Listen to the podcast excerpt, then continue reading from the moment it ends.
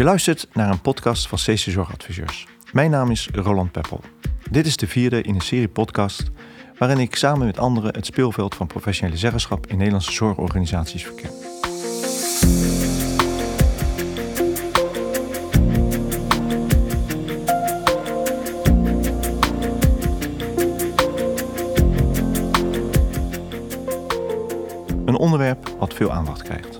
Zorgprofessionals, in organisaties en door corona versterkt, heeft het ook aandacht in het landelijke beleid. Tot de Tweede Kamer aan toe. Er wordt veel over gezegd, maar het concreet inhoud en vormgeven is makkelijker gezegd dan gedaan. Kortom, alle reden om in deze podcast professionele zeggenschap nader te beschouwen. Wat is het eigenlijk? Op veel plaatsen lijkt het toch een soort containerbegrip. De tweede vraag die we willen beantwoorden is er een lijn, structuur in de uitingsvormen van professionele zeggenschap te herkennen en wat kunnen we daar in de praktijk mee? In de eerste podcast zijn we ingegaan op wat professionele zeggenschap inhoudt, de systematische aanpak in de ontwikkeling ervan en welke organisatievormen daarbij zijn te onderscheiden. In de tweede en derde podcast sprak ik Marjolein Hemels, de directeur verpleegkunde van het MUMC Plus, en Nastasia Cornelissen, de bestuurder van Vicurie. Zij was de eerste CNO in een Nederlands ziekenhuis.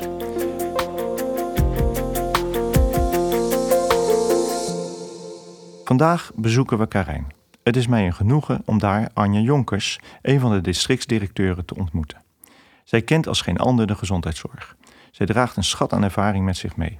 Verpleegkundige, docent, zorgmanager, beleidsmedewerker bij VWS, programmadirecteur inspectie ouderenzorg en zorg thuis.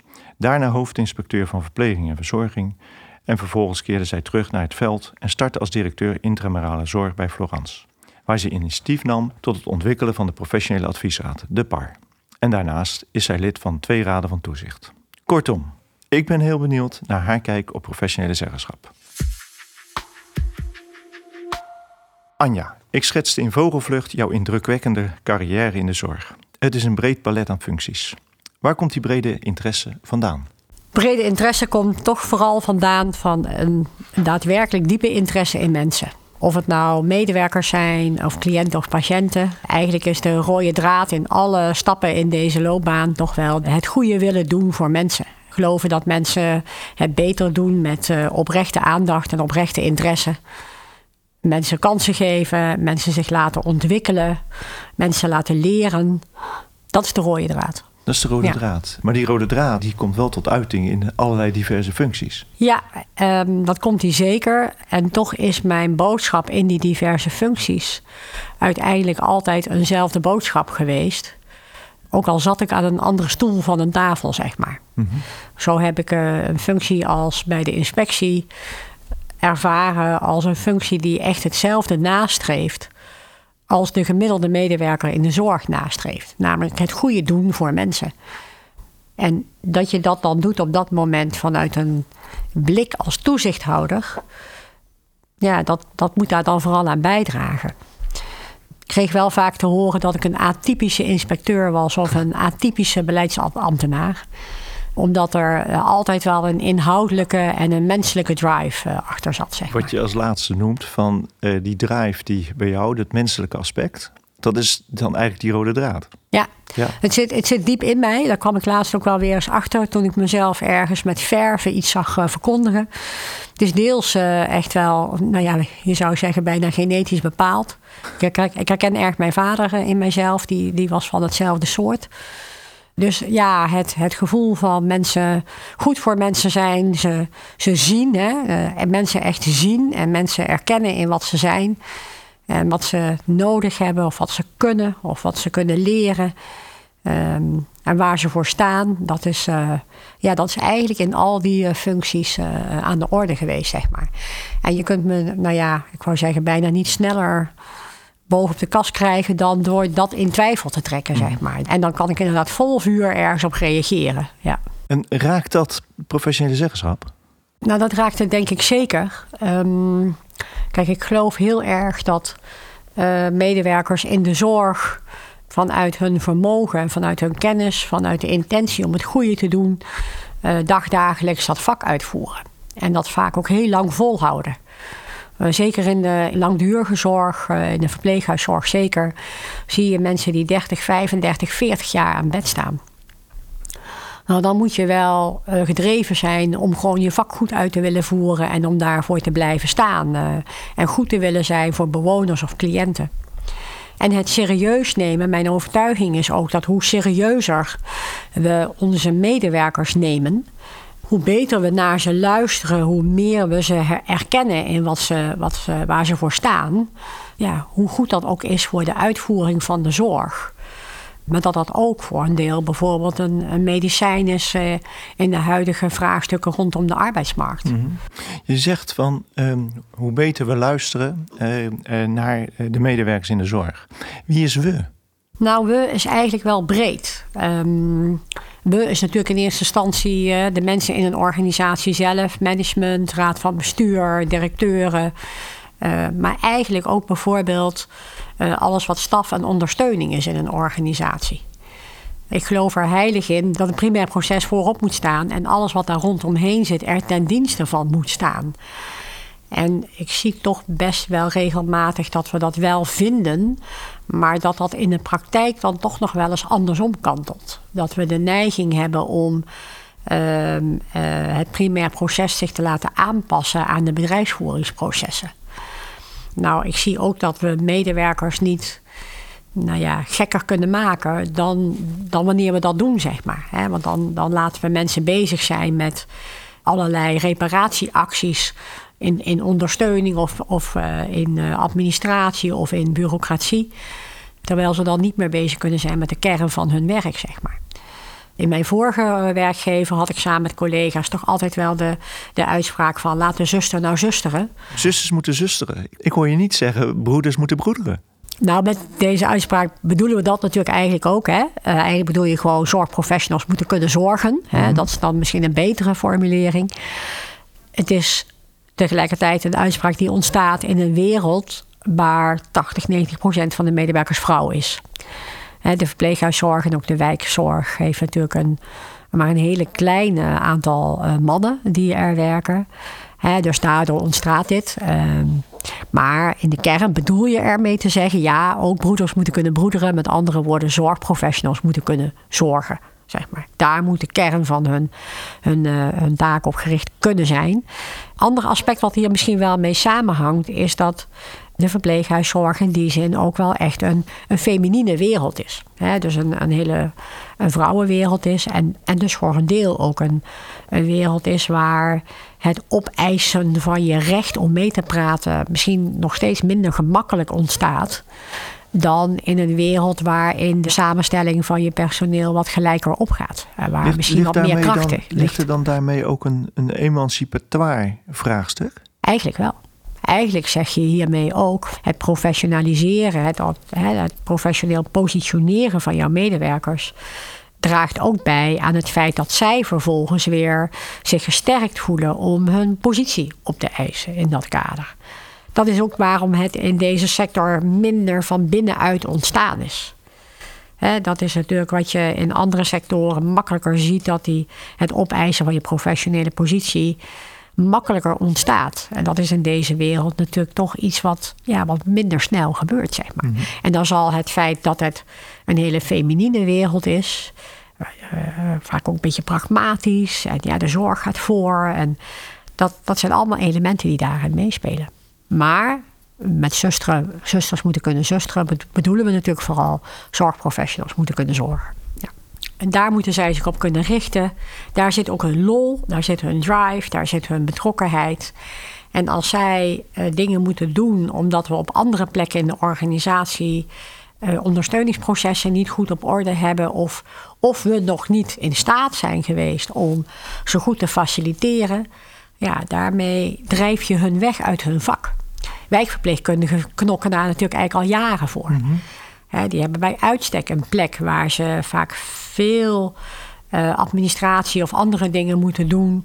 Uh, die, die voor hun gevoel haak staan op waarom ze ooit verpleegkundige zijn geworden. Of waarom ze wijkverpleegkundige zijn geworden. Dus daarom zeg ik we. Hè. We gaat over uh, de professional goed in positie zetten. gaat over mensen goed ondersteunen en faciliteren daarin. En daarmee dus ook onderkennen dat alle aspecten van wat er gebeurt in de zorg een vak zijn. Ja. Alles is een vak. Ook, ook planning en control of ook eh, ICT is een vak. Maar dus een vak we- wat ten dienste staat. Precies, Van vanuit- zoals jij zegt, de zuster. die gewoon haar werk moet kunnen doen. En de zuster, Ja. dat die moet kunnen zusteren. Ja. Ja, dat is eh, ja. Hoe eenvoudig het kan zijn. Hè? Ja, hoe eenvoudig kan het zijn? Ja. En tegelijkertijd zijn we al jaren bezig om nou, het, toch die professionele zeggenschap vorm en inhoud te geven. Hoe was dat nou voor jou? Want je hebt als verpleegkundige gewerkt. Ja. Jarenlang. Dat is, je bent zo'n 35 jaar geleden ben je gestart. Hoe was dat toen en nu? Is, zijn er nou verschillen of zeg je van nou eigenlijk we zijn niks opgeschoten? Nou, er zijn wel verschillen. En, en soms dan schiet me wel eens door het hoofd van... dat we het ook wel eens af en toe een beetje zijn kwijtgeraakt. Eh, toen ik begon als verpleegkundige, 1984, dus inmiddels 37 jaar geleden... toen was je inderdaad bezig met gewoon verpleegkundige zorg. Natuurlijk praten we ook over een hele andere tijd met... Nou ja, verschillen kunnen niet groter zijn. Hè? Mensen konden weken in het ziekenhuis liggen voor wat nu een eenvoudige ingreep is, zeg maar. Dus daar zitten ook echt grote verschillen in. Dat realiseer ik me ook. Maar als je het heel erg terugbrengt naar de kern, dan was je als verpleegkundige de hele dag bezig met patiëntenzorg. En dan, ja, er was een, een, een zorgdossier, een verpleegkundig dossier. Ja, daar werd in gerapporteerd. Eh, ja, de zorgplannen kwamen, waren in opkomst, dus die werden ook gemaakt. Verpleegkundige diagnose was in opkomst, dus er was een beweging, zeker gaande van professionalisering. Maar daar lijkt, dat vind ik ook een van de fascinerende dingen als je terugkijkt. Er lijkt een soort parallel te zijn tussen enerzijds een beweging van professionalisering met protocollen en procedures, met steeds meer vastleggen, steeds meer beschrijven. En anderzijds lijkt daar een parallelle lijn mee te zijn. Daarmee dus ook steeds verder weg te zijn gedreven van de kern van je vak. Namelijk het zorgen voor mensen, zeg maar. En dat, dat vind ik een hele. Ja, dat maakt het dus ook tot een complexe puzzel. Hè? Hoe, hoe, hoe komt het of hoe ontstaat het dat we door het steeds verder te willen professionaliseren en vast te leggen en eh, eh, ook toetsbaar te maken en reproduceerbaar en, en er een, ja, toch een soort hè, die mooie PDCA-cyclus in te brengen.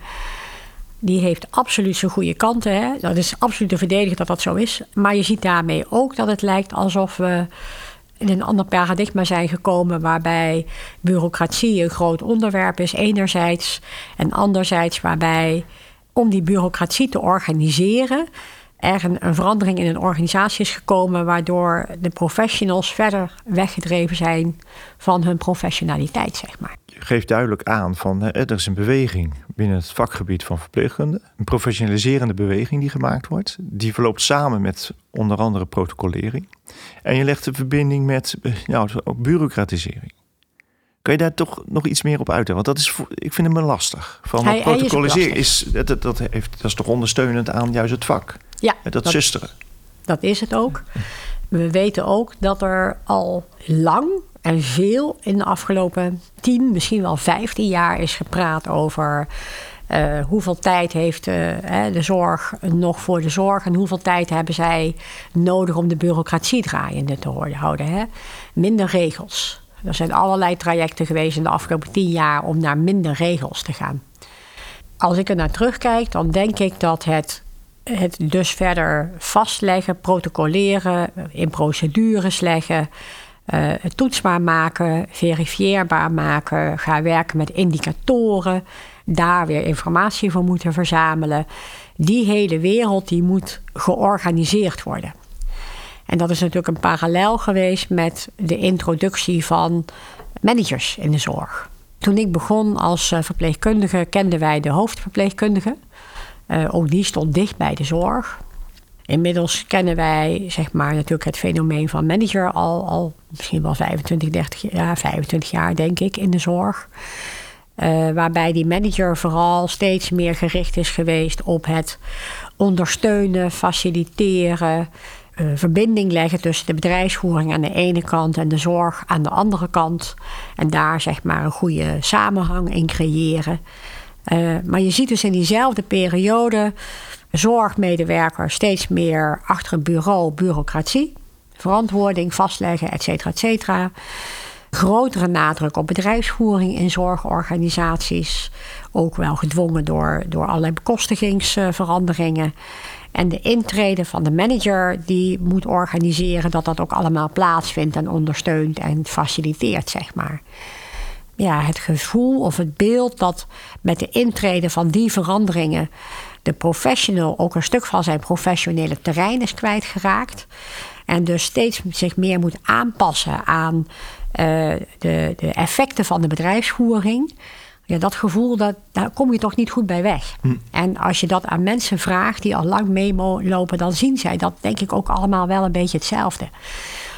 Uh, bij mijn vorige werkgever, bij Florence, zei eens één keer een, een van de artsen tegen mij: Ja, maar de manager is er ook vooral voor het faciliteren. En die moet gewoon zorgen dat er een rooster is en dat de centjes geregeld zijn. Die moet zich vooral niet met de zorg bezighouden. Toen dacht ik: Dat is gek, want we noemen hem wel zorgmanager. Mhm. Dus wij als organisatie willen dat die manager zich met allebei bezighoudt: en met de zorginhoud en met de bedrijfsvoering. Je ziet ook dat die managers vaak in een, in een enorme spagaat zitten. Hè? Om, om allebei maar recht te doen en goed te doen, zeg maar.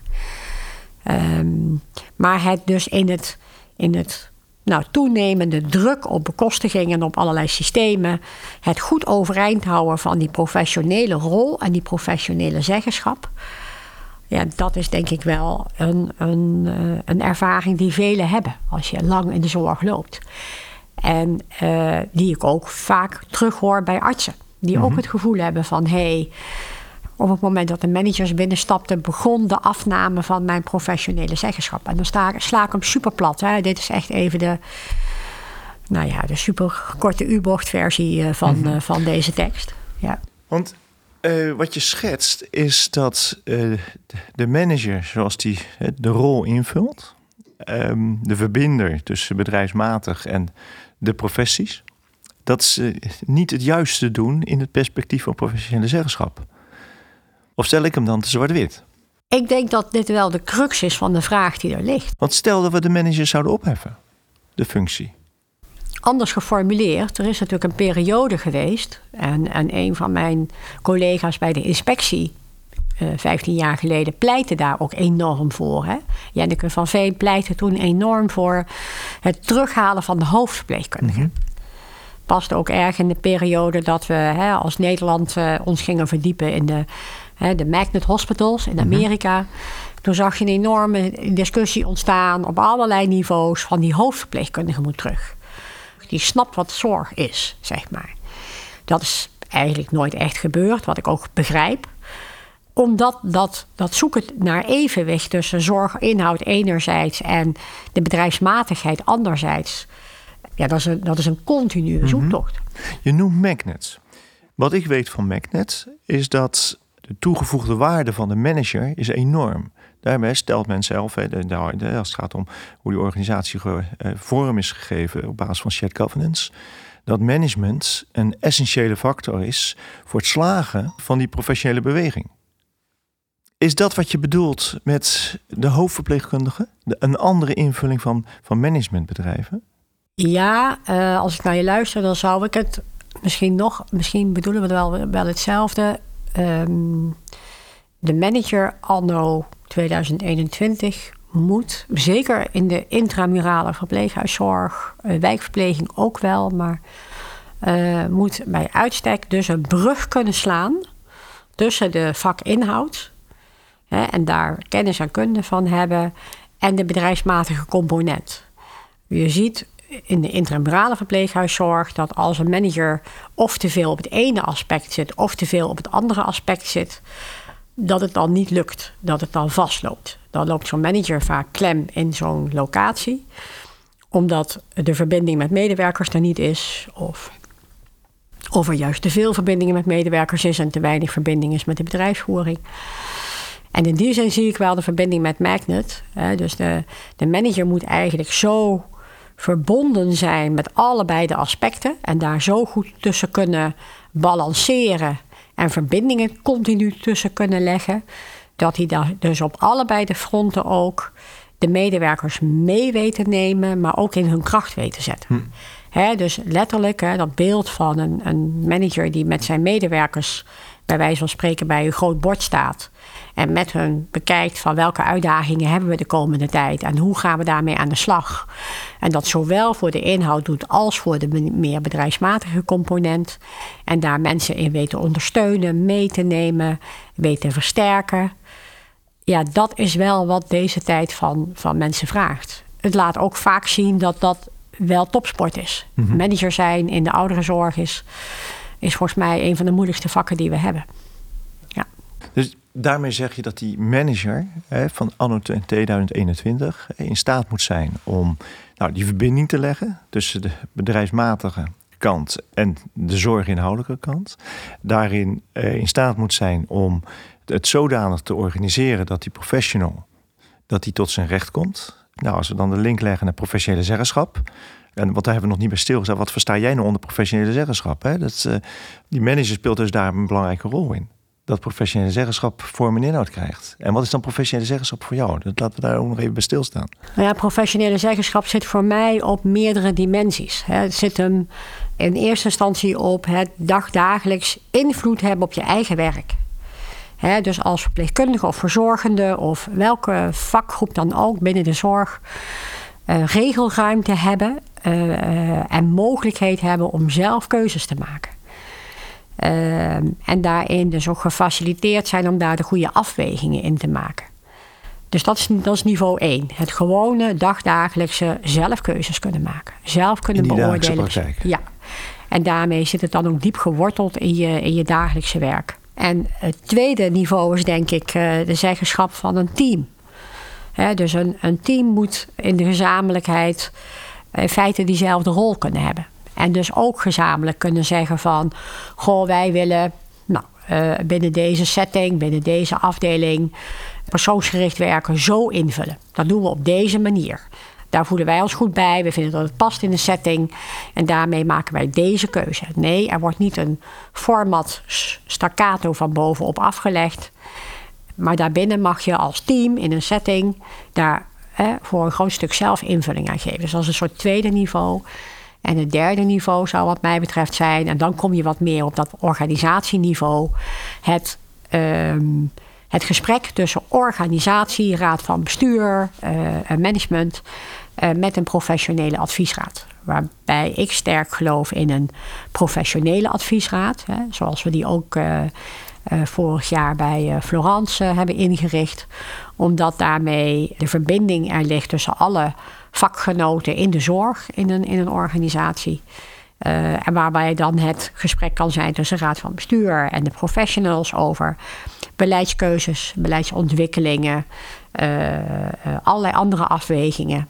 kijk ook maar naar de afgelopen periode met corona. Een professionele adviesraad die dan mee kan denken in keuzes die je maakt in zo'n periode. Dus dat is het derde niveau wat mij betreft. Ja, en dat is het niveau van, zoals je zegt, van op organisatieniveau. Van, ja. uh, het is individueel, teamniveau en organisatieniveau. dat is uh, daar invulling aan te geven. je schetste tot nu toe, van, uh, als het gaat om dat op dat niveau van dat individuele en dat teamniveau, die, die samenwerking tussen management, de manager, de leidinggevende en de professionals. Als we nou inzoomen op dat organisatieniveau. je hebt voorkeur voor een paar de professionele adviesraad multidisciplinair samengesteld. Ik hoor je niet zeggen de VAR, de verpleegkundige verzorgende adviesraad. Ja, in de, mijn laatste periode in het uh, toen geheten Dijkzicht ziekenhuis in Rotterdam, dus dan praat je over uh, een beetje eind jaren negentig, werd daar alle verpleegkundige adviesraad opgericht. Mm hè, dus uh, dus die, die periode heb ik ook nog wel meegemaakt. Toen was je verpleegkundige? En toen was ik daar verpleegkundige en teamleider op een gesloten GGZ-afdeling. Um, waarom zou ik meer pleiten voor een PAR dan voor een VAR? Um, het zorgproces binnen een organisatie is altijd een samenwerking van een multidisciplinaire samenwerking. Dus daar zitten altijd meerdere partijen in betrokken: artsen, verpleegkundigen, psychologen, vaktherapeuten. Een adviesraad, een professionele adviesraad, staat in eerste instantie ten dienste van of kijkt naar de professionele vakinhoud is nog echt wat anders dan een ondernemingsraad uh, in deze. En heeft altijd met elkaar te maken. Hè. Het, het, het, zorgproces is gewoon een multidisciplinair proces. Mhm. De dokter is niks zonder verpleegkundige. De verpleegkundige is in, intramuraal niks zonder een dokter. hè, even in het totale palet voor een patiënt, versta me niet verkeerd. Wat ik, daar toen, wat ik daar vaker van heb gezien, is dat het als je een verpleegkundige of een verpleegkundige verzorgende adviesraad maakt, dan zie je dat dat toch wat geïsoleerd gebeuren wordt. Want dan moet daar toch altijd ergens nog een keer een, een blik bij van een arts of van een psycholoog of van een vaktherapeut. Terwijl ik denk van dat gesprek met elkaar gezamenlijk aan tafel over hoe willen wij dat hier de zorg inhoud krijgt. Uh, dat gesprek is nou ja, super wezenlijk. Dat mhm. gesprek moet ook dagelijks op die zorgvloer plaatsvinden.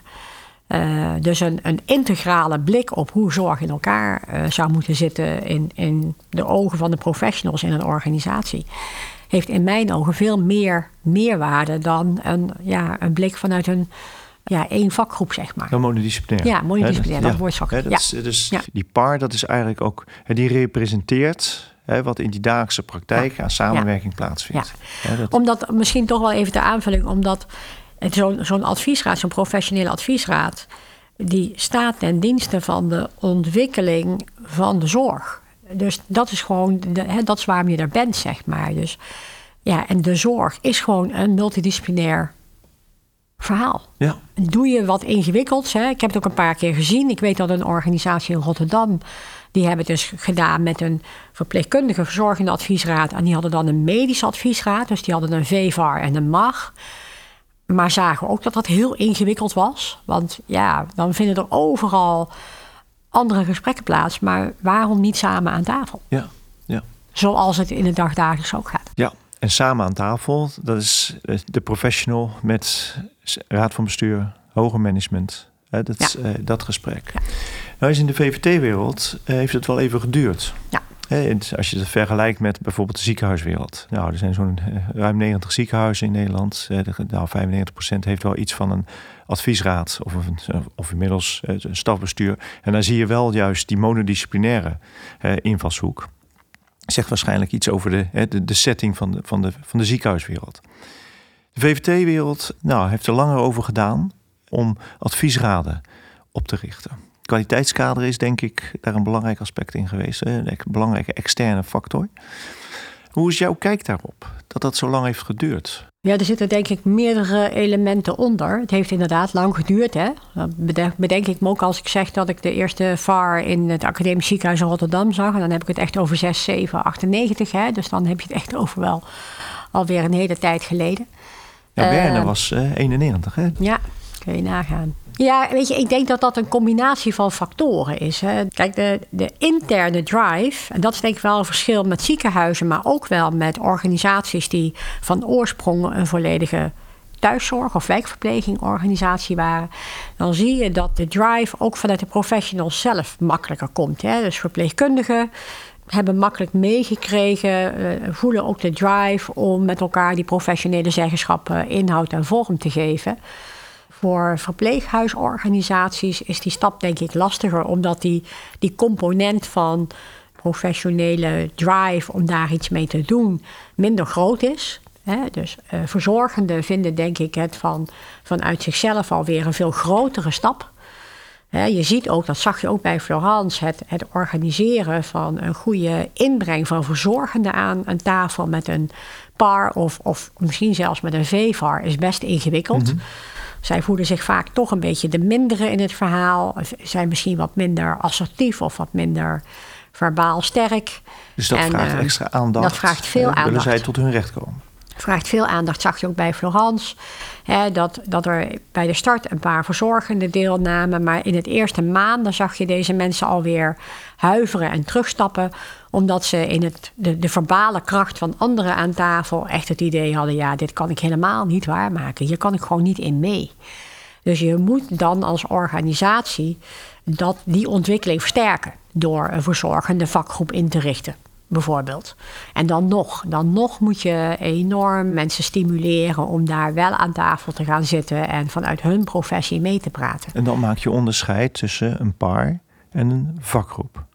Dan maak je onderscheid tussen een par en een vakgroep. In die zin dat veel organisaties sowieso wel vakgroepen kenden uh, en kennen. Mhm. En vanuit die vakgroepen dan weer mensen in een par stappen. Waarmee je eigenlijk ook alweer meer een netwerkorganisatie mhm. in je par mhm. organiseert. Dus de, die samenhang is dan belangrijk. Die hebben. Ja, Tussen zeker belangrijk. en par. En dat doet dan gelijk ook hè, het- een appel op de verschillende rollen die er dan zijn tussen vakgroep en, eh, en par. Ja, maar dit, dit, hè, misschien toch nog even, dat kwaliteitskader is zeker een enorme push geweest. Hè. Gewoon het maar ergens opschrijven en zeggen het moet er komen. Heeft absoluut denk ik veel gedaan. En heeft organisaties ook wel ja, toch een beetje wakker geschud. Van oh, ja, oh ja, dat moet eigenlijk ook wel. En dat willen we eigenlijk ook wel. Eh, maar wel dus met de wetenschap dat je het vanuit de organisatie moet organiseren. Dat het niet vanuit de mensen zelf ontstaat. Hè, wat natuurlijk anders is dan op veel andere plekken. Eh, en je ziet nu, hè, dat zag ik ook bij Florence, dat zie ik ook hier bij Karijn. Het is ook wel een puzzel om eh, met elkaar zo'n professionele eh, inspraak, professionele zeggenschap goed te organiseren. Met al die verschillende professionals, met de verschillende niveaus daarin, hè, waar we het net even over ha- hadden. Met vaak bestaande systemen, met vakgroepen eronder. Dus dat, dat vergt echt wel wat van een organisatie om daar, eh, om het daar zijn- stappen in te maken. Want het, het, het, zijn, eh, ja, het vraagt nieuwe patronen. Of misschien wel het doorbreken van patronen die er zijn. We hebben zeggenschap op dat individuele en dat teamniveau. Zeggenschap op organisatieniveau. Eh, het is op dat individuele en teamniveau is dan een lastige om de samenwerking tussen management en professionals voor elkaar te krijgen. En dan zijn we ook bezig om het op, op het organisatieniveau of op beleidsniveau eh, ook die samenwerking vorm te geven. Ja. En dan moet binnen die kolom, die, hè, die, die, nou, die, die beroepsas, eh, dan moet daar ook nog eens een samenhang ontstaan. Ja, dus ga er maar aan staan. Dat precies, ga er maar aan staan. Volgens mij zie je nu ook hè, dat, dat dat dus ook gewoon tijd kost. En daar waar de ziekenhuizen ja, die tijd al een beetje achter de rug hebben... en eigenlijk alweer naar volgende fases aan het gaan zijn in de ontwikkeling... staat eh, de VNV, eh, denk ik, eh, in grote mate nog in, in zo'n eerste fase... om het gewoon maar te organiseren. Het gesprek op al die niveaus goed te organiseren... Een paar ook draaiende te houden. hè, dus ook eh, bemenst te houden met alle wisselingen die er vaak zijn. En dat dan ook nog in een tijdperk waarin de arbeidsmarkt ja, voor een deel voor ons ook uit ZZP'ers bestaat. Dus uit mensen die geen vaste verbinding hebben met de organisatie. En dat is een complicerende factor. Dat is zeker een complicerende factor. Als we naar Karijn kijken, dan, eh, maar dat was bij Florence niet anders, dan, dan is er toch een, een ja, 10 tot 15 procent van de medewerkers die rondlopen bestaan uit mensen niet in loondienst. Dat zijn ook niet mensen die logischerwijze naar dit soort taken eh, lonken, zeg maar. Die komen toch gewoon vooral hun werk doen om dan weer naar huis te gaan. Ja, dat doet wel iets met dat, dat allerlei extra taken, neventaken, door, door een kleinere groep mensen gedragen moet worden. Ja. Zeg maar. Dus oog hebben voor dat soort nou, aspecten hè, is belangrijk. Ja. Dat, eh, nou, inmiddels toch eh, het is er ook alweer enige tijd eh, ervaring opgedaan binnen de EVT met VARS eh, of adviesraden. Kan jij nou, eh, nou factoren onderscheiden die eh, daar bevorderend in zijn? Nou, kijk, ik denk wel dat eh, eh, factoren eh, die daar bevorderend in zijn, voor mijn gevoel ook sterk samenhangen met wat we net zeiden over drie, drie niveaus. Dus zorgmedewerkers zijn erg gevoelig voor het feit dat een organisatie, als die iets organiseert, dat dat ook echt intrinsiek gemeend is, zeg maar. Dus dat dat ook echt gaat over, ja, maar dan mag ik dus ook echt meepraten. En dan word ik ook serieus genomen. En dan is dat ook, ja, een beetje flauw gezegd, voor het echi. Hè? Dus dan, dan doet het er ook toe wat ik zeg. Dus niet voor de vorm. Niet voor de vorm. Dus dat is denk ik wel een, een element wat, eh, waar je altijd erg alert op moet zijn. Dat, je, dat wat je organiseert, hoe je het ook vormgeeft, dat je dat ook nou ja, echt intrinsiek waarmaakt. Want je, je ziet mensen afhaken op het moment dat ze denken... oh, maar nu doen we dit gewoon een beetje voor de bühne. Ja, daar doe ik niet aan mee. Daar heb ik, daar heb ik geen zin in. Daar, daar doe ik niet. Dus het moet wel, het moet wel ten diepste zo bedoeld zijn. En dat betekent ook dat je als tweede, dus als organisatie, het echt wel moet faciliteren, ondersteunen. En dus een, een rol hebt eh, in deze sector zeker om het van de grond te krijgen. En niet denkt van, goh, eh, ik organiseer het een beetje, er zitten tien mensen aan tafel en dan komt het wel goed of zo. Want dan komt het niet goed. Ik bedoel, Dus dan, intrinsieke motivatie. Ja. Ehm, en het goed organiseren, Ja. faciliteren. Dus als je nou, A zegt, dan moet je ook B doen. Ja. Het, is, het is niet vrijblijvend. Nee, voor, voor het is niet vrijblijvend. En als je zegt van die intrinsieke motivatie, bij, bij wie moet die aanwezig zijn? Ja, in mijn eh, perceptie, in mijn ogen, eh, op alle niveaus. Dus dan moet je als organisatie hier ook echt achter staan. En ook eh, zeggen van nee, maar dan maken we er ook ruimte voor. En dan creëren we er ook tijd voor. En dan is het niet van ja, het is een beetje druk, dus dan nou doe die par dan maar even niet. Eh, ja, hè, een grote crisis dagen later. Maar dan moet het ook echt serieus zijn. Dan moeten we er ook echt werk van maken. Eh, maar dus wel op alle niveaus. En ook op het niveau van een raad van bestuur. Eh, mensen kijken daar anders echt gewoon toch doorheen en denken: ja, ja, het is toch niet echt. Nou ja, dan laat maar. Kom je dat tegen? Dat er bestuurders zijn, hè, dus organisaties zijn die kiezen voor een paar, omdat het misschien wel het kwaliteitskader het aangeeft. Eh, dat en omdat de buren het hebben. Ik denk dat men het altijd wel echt wil. Ik denk dat we soms wel, ehm, ja, eh, als we dan A zeggen, niet altijd helemaal be- bedenken wat het betekent om ook B te zeggen. Hè, dus oké, dan dus goede ondersteuning, facilitering, een goede positie, versterking. eh, eh, serieus positioneren, net zoals we een OR hebben gedaan. Of zoals we met cliëntenraden doen. Hè. Die hebben inmiddels allebei een vanzelfsprekende positie. En eh, oh ja, het moet ook nog naar de par, dat gevoel hè, van nee, ze moeten op dezelfde lijn komen te staan, dezelfde positie krijgen. Dus ik denk dat men echt wel wil. Dat denk ik echt hoor. Ik denk dat men het ook echt wel serieus neemt. Maar ik denk dat we niet altijd nou ja, doorzien wat het dan ook vraagt als organisatie. Je moet ook echt. een goed doordenken. Ja. Hè, dat is het echt serieus nemen, zoals Ja. jij zegt. Ja. Eh, Van dat is eh, wezenlijk van belang. Ja. Organisaties die, want er zijn tal van organisaties die er nog niet voor gekozen hebben. Hè, om, en professionele zeggenschap, het, het kiezen voor een par of een VAR, eh, dat, is, dat is een vorm. Eh, dat is een manier. Er zijn meerdere manieren om professionele zeggenschap in te, eh, in te vullen. Tot nu toe zijn er organisaties die er nog niet expliciet voor gekozen hebben. Van, hoe kijk je daarnaar als het gaat om nou, de, de richting toekomst? Verwacht je daar nou dat dat eh, nou, consequenties gaat hebben? Er is natuurlijk debat gaande geweest de afgelopen jaren in Den Haag om te zeggen we gaan het wettelijk verplichten. Hè, dan gaan er een wettelijke basis eh, onderleggen. Ja, dat kan.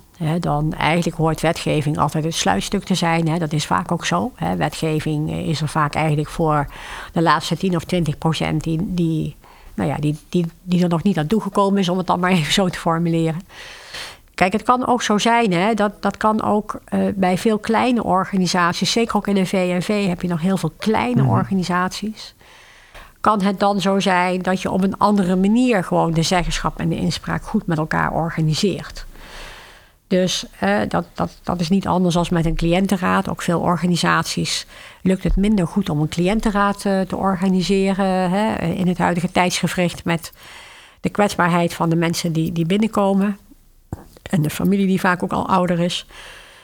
Dan zijn er ook varianten die, ja, ik bedoel, het goed vormgeven in je eigen organisatie van dat hele magneetprincipe of van dat hele magnetprincipe kan natuurlijk een prima variant zijn.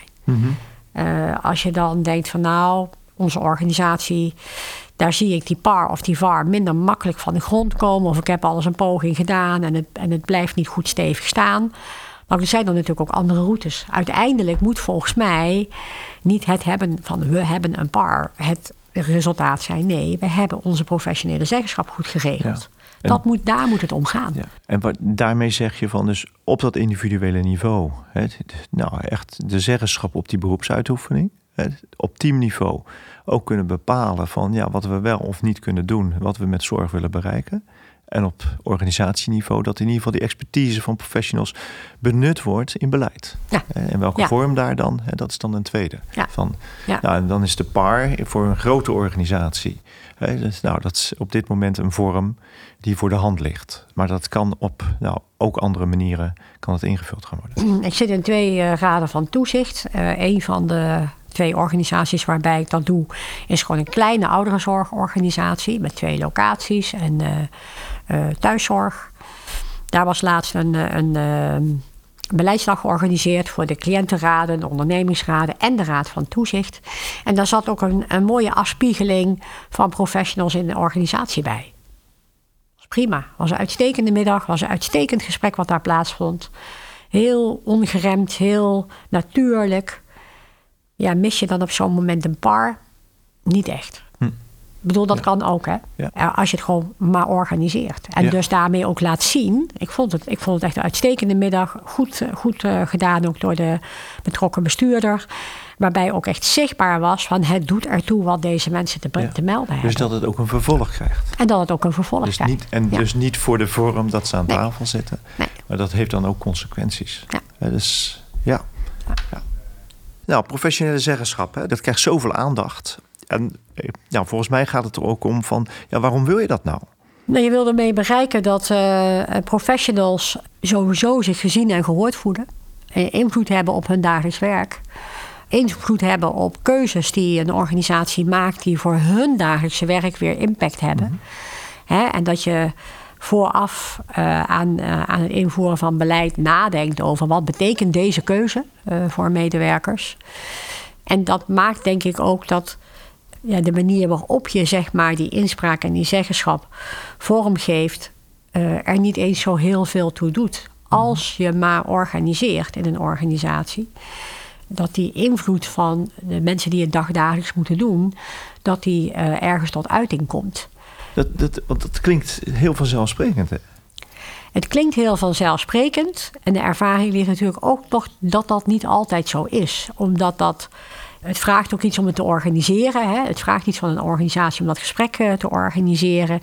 En de neiging om vanuit beheersing dingen te organiseren. En, en vanuit systemen dingen te organiseren. Is natuurlijk in deze tijd met beperkte mensen en middelen heel groot. Als dat dus lukt, hè, dus om die nou, eh, professionals te horen, eh, om ze daadwerkelijk ook, hè, dat, dat ze ook in de positie zijn om eh, zeggenschap of invloed op hun eigen werk te kunnen uitoefenen. Waar leidt dat dan toe? De bedoeling is dat het uiteindelijk tot een beter product leidt. En wat En is dan voor jou een product? Nou, eh de resultaat van de zorgverlening. Veiligere middelen, makkelijker te organiseren voor een medewerker, minder tijd kwijtraken aan allerlei niet goed in elkaar zittende randvoorwaarden, waardoor die tijd kwijtraakt, zeg maar. Of waardoor die eh, afgeleid wordt van de kern van zijn werk. Dus het product moet uiteindelijk zijn goede zorg. Ja, En een tweede product daarnaast is goed professioneel je werk kunnen doen. En die twee dingen hangen natuurlijk naadloos met elkaar eh, samen. Dus daartoe moet het leiden, ja. eh, uiteindelijk. ja eigenlijk bijzonder hè, dat je, wat je schetst van dat het zo logisch is waar het toe leidt. En dat het tegelijkertijd zo ingewikkeld is om het vorm te geven. Ja. Nou ja, kijk, ontwikkelingen die je nu op andere, zeker ook in ziekenhuizen ziet, waarbij gezocht wordt naar modellen waarbij professionals weer meer mee mogen sturen en mee mogen koers bepalen. Toen ik begon hadden we nog verpleegkundig directeuren, Ja. eh, her en der.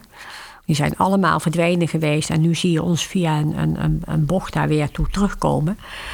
Dus het mee mogen bepalen en sturen en richting geven aan de voorkant. Met uiteindelijk als doel om tot een beter product te komen. Ja. Op, alle, op alle niveaus. En uiteindelijk ook dus dat, nou ja, dat in een, in een soort gezamenlijkheid eh, binnen de organisatie met elkaar te organiseren. Niet, En niet tegen elkaar, maar met elkaar. Ja. Ja. Wat je schetst, eh, dat doet me ook denken aan van nou, wat als je wat breder kijkt maatschappelijk, dan, eh, dan zien we toch dat er nou, maatschappelijk de afgelopen jaren een, nou, een drive is geweest om zaken te kunnen beheersen. Eh, dat, en dat is niet alleen in, in de zorg, eh, dat zie je ook in, in onderwijs en ook andere sectoren. Ehm, dus dat spanningsveld dat, van dat professionele domein en die, nou, die, die, beheers, eh, die beheersdrive, ehm, die is er. Hoe kijk jij daar tegenaan? Nou, eens met de woorden die je schetst. Hè. Ik denk dat het echt een groot maatschappelijk vraagstuk is. Ik denk dat het in heel veel sectoren een vraagstuk is. Omdat we nou, beperkte mensen en middelen hebben. En je dus uiteindelijk vanuit beheersing er naar kijkt. En het systeem eigenlijk steeds meer bepalend is geworden daarin. Dat maakt dat medewerkers ook voor een deel wel weggejaagd worden. Dat is ook wat ik veel ook dagdagelijks zie. Ook gisteren weer op een locatie. Dat een medewerker zegt van ja, ik word niet goed gefaciliteerd of ik voel me niet goed erkend in mijn professionele rol of ik was ooit hè, wijkverpleegkundige met hart en ziel en als ik nu terugkom en zie in welke wereld ik terugkom, ja, dan is dat toch echt niet meer wat ik wil doen, want dat is niet het vak waar ik voor gekozen heb. En dat vraagstuk, en ik weet hè, zeker dat dat ook in het onderwijs speelt of in allerlei professionele uh, terreinen. Ja, dat zou echt een, een groot maatschappelijk vraagstuk moeten zijn waar we als, als uh, maatschappij ook naar kijken. Want het maakt ook dat we ja, mensen wegjagen, dat we mensen kwijtraken, dat we, dat we een tekort hebben aan docenten, maar ook aan zorgpersoneel. En heeft het direct een relatie met die arbeidsmarkt. Ja, en dat maakt ook dat mensen denken: ik word zelfstandiger. En ik laat me als zelfstandige terug inhuren. En dan kom ik om te doen wat ik moet doen. En die hele beheersmatige wereld eromheen, daar hoef ik me dan minder van aan te trekken. Want dat is dan niet mijn probleem. Dat is dan het probleem van de organisatie. Ja, dat is natuurlijk toch een. Ja, dan missen we toch wel ergens ongelooflijk de boot, uh, denk ik. Ja. En daar zou, hè, dat zou ook wel bij uitstek een onderwerp zijn wat op tafel zou moeten bij uh, een professionele adviesraad samen met een organisatie. Hoe kunnen we daar antwoorden op bedenken? Hoe kijk je daarnaar als het gaat om uh, de ontwikkeling van professionele zeggenschap? Um, en we hebben teruggekeken. We hebben gekeken naar de, de, puzzel die er is. En nu, nou, toekomst, vijf jaar verder. Ik verwacht dat uh, organisaties ook in de VNV uh, doorgaan met het vormgeven en inrichten van die professionele zeggenschap dat ze daarin ja, ook de tijd nodig hebben hè, om daar vorm en inhoud aan te geven. Verwacht je ook die doorontwikkeling zoals die in de ziekenhuizen plaatsvindt? Ja, die verwacht ik zeker. Mm -hmm. ja, die zal ook in deze wereld plaats gaan vinden. Het kost tijd, dat is zo, uh, maar die gaat wel plaatsvinden. Ook omdat mensen dat willen, maar ook omdat organisaties dat willen. Hè. Die willen daarin ook een nou ja, professionele vorm weer vinden met elkaar willen ook naar goede producten die ze leveren, willen ook naar een goede eh, positionering van de professionals. Uh, dus ik denk dat die ontwikkeling steeds verder zal gaan. Ik verwacht ook wel dat het nou ja, met vallen en opstaan gaat. Zeker gezien hè, de thema's die we eerder hebben geraakt, zoals ja, hoe doe je dat dan met steeds verder onder druk staande vaste medewerkers of hè, een arbeidsmarkt die daar een enorm effect op heeft. Ik geloof wel, en dat geloof ik heel sterk, dat zorgorganisaties heel erg ook op zoek moeten naar. We zeggen al heel lang, de cliënt staat centraal. Dat staat hij ook. Maar we zouden eigenlijk naast die cliënt centraal ook de medewerker veel meer centraal mhm. moeten zetten. Ja. Want zonder medewerkers zijn we als zorgorganisaties, ja, zijn we niet zo heel veel eigenlijk. Kunnen we ook niet zo heel veel en kunnen we eigenlijk ook niet die cliënt centraal zetten. Dus in mijn perceptie zou je als zorgorganisatie moeten zeggen: wij zetten de medewerker centraal, zodat de medewerker de cliënt, patiënt, bewoner centraal kan plaatsen. En dan heb je het over de, de bewoner, cliënt van morgen. Ja. Anja, dankjewel voor jouw inspirerende verhaal. Een verhaal vanuit nou, verschillende perspectieven vanuit de gezondheidszorg.